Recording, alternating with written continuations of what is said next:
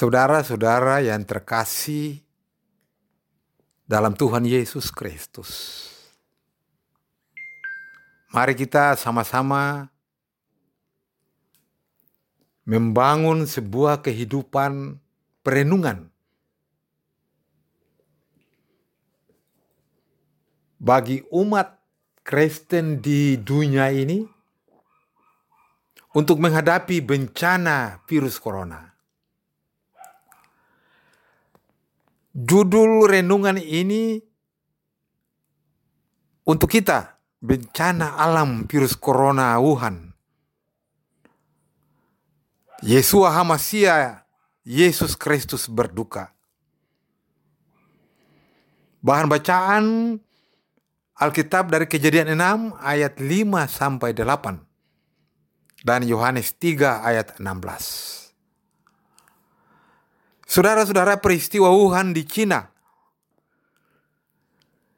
yang dimulai menularkan virus corona yang sekarang disebut COVID-19.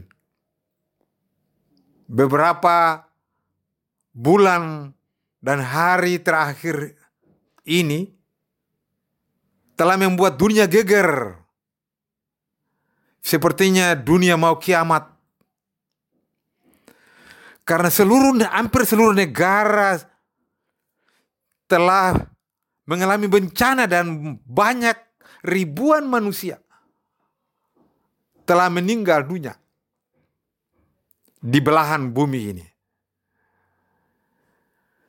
Dan bencana ini kalau kita mengurut ke belakang bahwa Indonesia mengalami gempa-gempa dahsyat yang melanda Maluku 2019, banjir bandang di bulan Januari 2020, dan awal Februari 2020 juga melanda Jakarta dan Pulau Jawa. Dan sampai kini COVID-19 telah melanda Indonesia yang memakan korban ratusan jiwa. Bencana Cina menjadi sumber pemberitaan dan trending topik yang disebarkan ke seluruh penjuru dunia. Di berbagai media. Dan penularan ini memakan korban yang banyak bahwa sumber pemicu penyakit bagi kematian manusia adalah virus corona, COVID-19 itu. Para ahli pun belum mampu membuktikan dari mana sumbernya. Sisi dunia gempar dan hiruk pikuk membuat persiapan dengan berbagai macam obat. Karena Badan Dunia Kesehatan WHO memberikan warning bagi negara-negara di dunia harus siaga seperti dunia dalam bahaya besar. Nightmare bagi agama-agama dan bangsa-bangsa. Menyimak dan memahami berbagai siaran media cetak elektronik, media online tiap hari, maupun aplikasi lainnya dapat dicatat. Perkembangan tiap detik meningkat korban kematian ratusan dan ribuan dan bisa jutaan orang dan tertularnya virus COVID-19 yang mematikan manusia itu sudah melanda dunia. Pertama, Wuhan dikurung dan dikepung agar manusia tidak bergerak keluar wilayah tertular. Dan sekarang semua negara-negara dikepung dan semua orang harus berusaha mematuhi untuk memutusi mata rantai penularan itu dengan tinggal di rumah. Agar virus corona ini tidak bisa menjangkau umat manusia.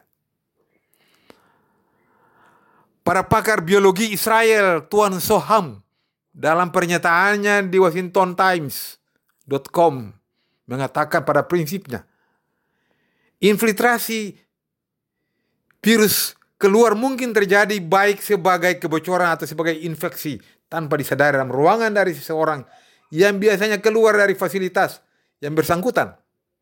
Ini bisa menjadi kasus dengan institut yang ada di Wuhan. Tetapi sejauh ini tidak ada bukti atau indikasi untuk kejadian seperti itu. Ada yang memperkirakan berasal dari hewan dan pasar di Wuhan. Akibatnya manusia dalam kota Wuhan di karantina. Dan sekarang kita semua di karantina di rumah masing-masing. Dijaga ketat. Dan tidak boleh keluar rumah kalau sudah tertular.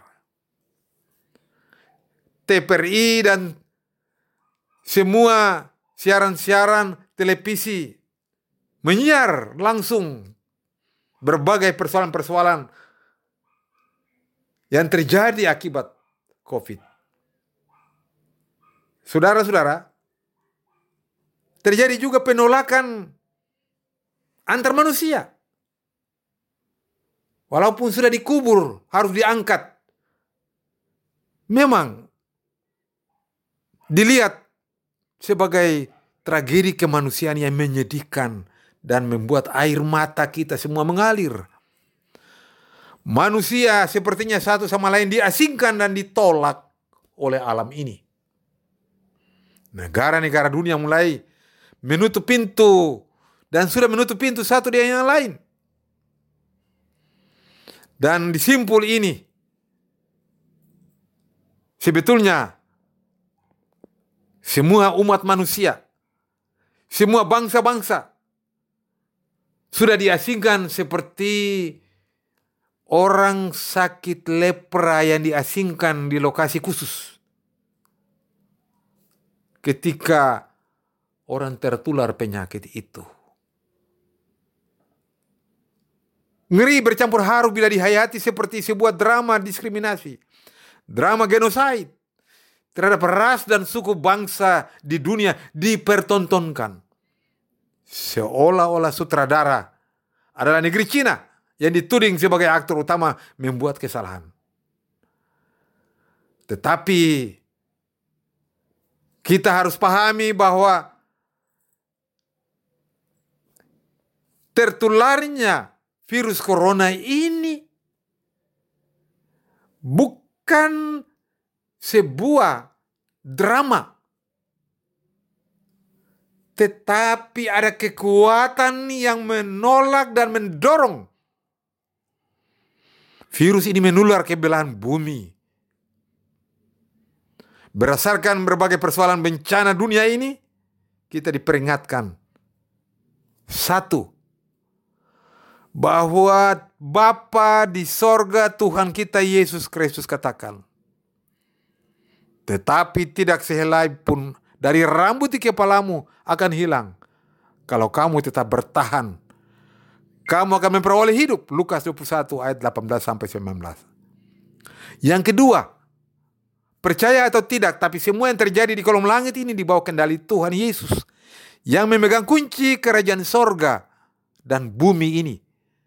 Karena dia menyatakan diri hadir di segala ruang, di segala waktu, di segala tempat dan tidak bisa dibendung oleh siapa pun. Dialah Tuhan Yesus Kristus, tetapi dia juga adalah Yahweh yang menyatakan diri kepada Musa di Gunung Hor. Aku adalah aku. Tiga, ketika kita menjadikan Cina sebagai tumbal, maka kita berbuat kesalahan fatal terhadap sesama manusia di mata Tuhan manusia adalah sia-sia. Di mata Tuhan manusia Cina sama dengan kita semua yang mengalami bencana, mengalami kematian, mengalami penderitaan mengalami isolasi, mengalami keterasingan.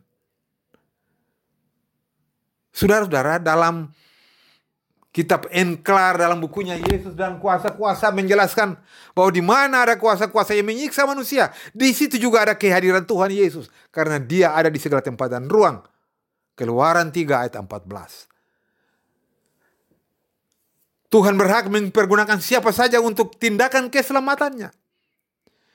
Bila kemarahan Tuhan Allah atas perbuatan manusia yang akhir-akhir ini berkompetisi menyesatkan manusia baik di bidang agama, ekonomi dunia, baik juga uang maupun sains dan teknologi merampas hak-hak hidup manusia, merusak tata ciptanya, pasti menimbulkan Tuhan sedih atas perbuatan manusia yang diciptakan.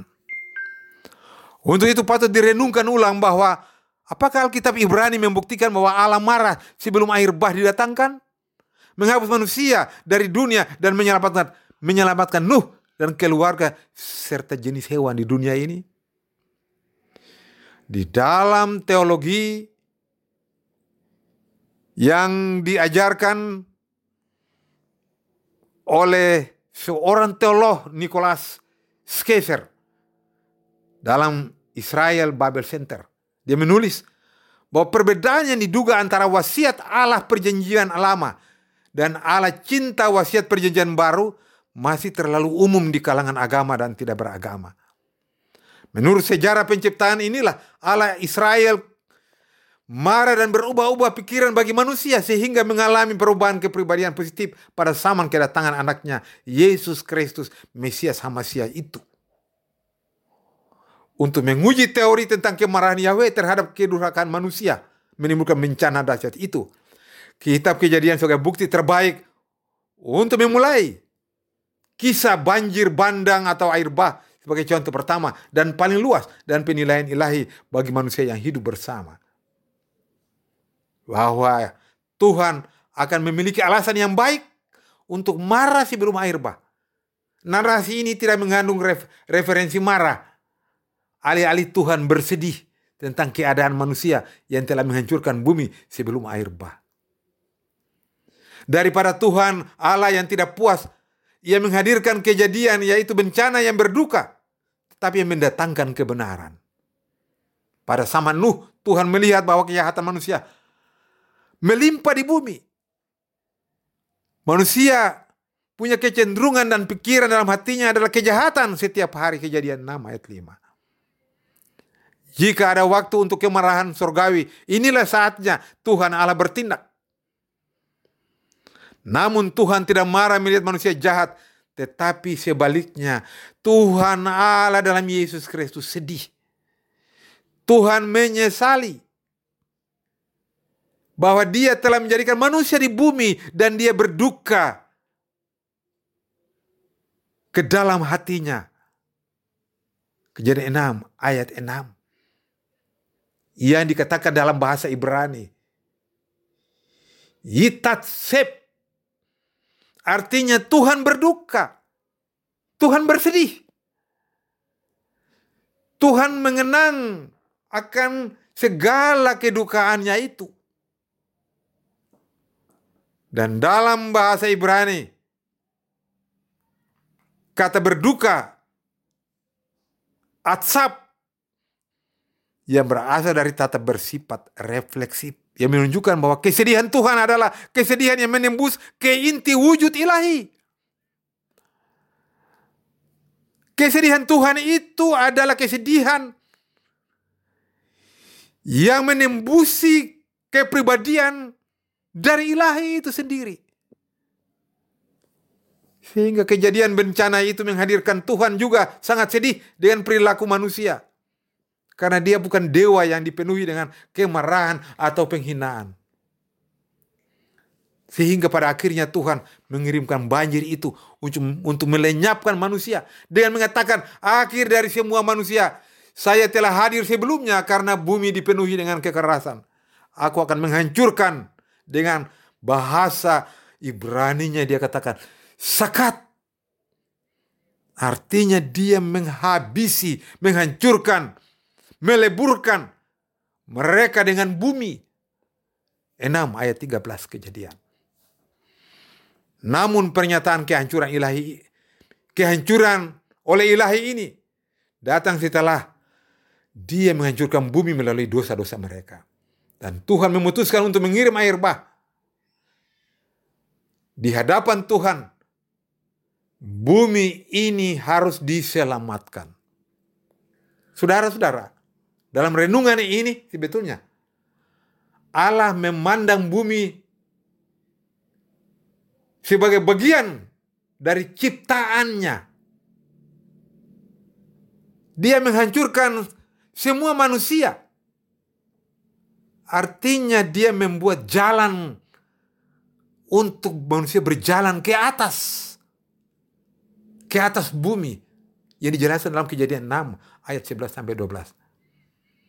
Dalam mengirimkan air bahaya merusak Allah hanya menggaris bawahi apa yang telah dilakukan manusia terhadap diri mereka sendiri. Tetapi juga Tuhan berduka atas kehancuran, kekerasan yang kita manusia buat sendiri. Air bah adalah masa tangisan surgawi. Bukan murka. Dan berkat Tuhan setelah banjir. Kejadian 9 ayat 1 adalah pengingat akan kasih dan rekonsiliasi ilahi dengan bumi ciptanya melalui Nuh. Baca kejadian 9 ayat 11 sampai 17. Renungan yang dipaparkan untuk saudara-saudara seiman dan saya. Yang diulas di atas.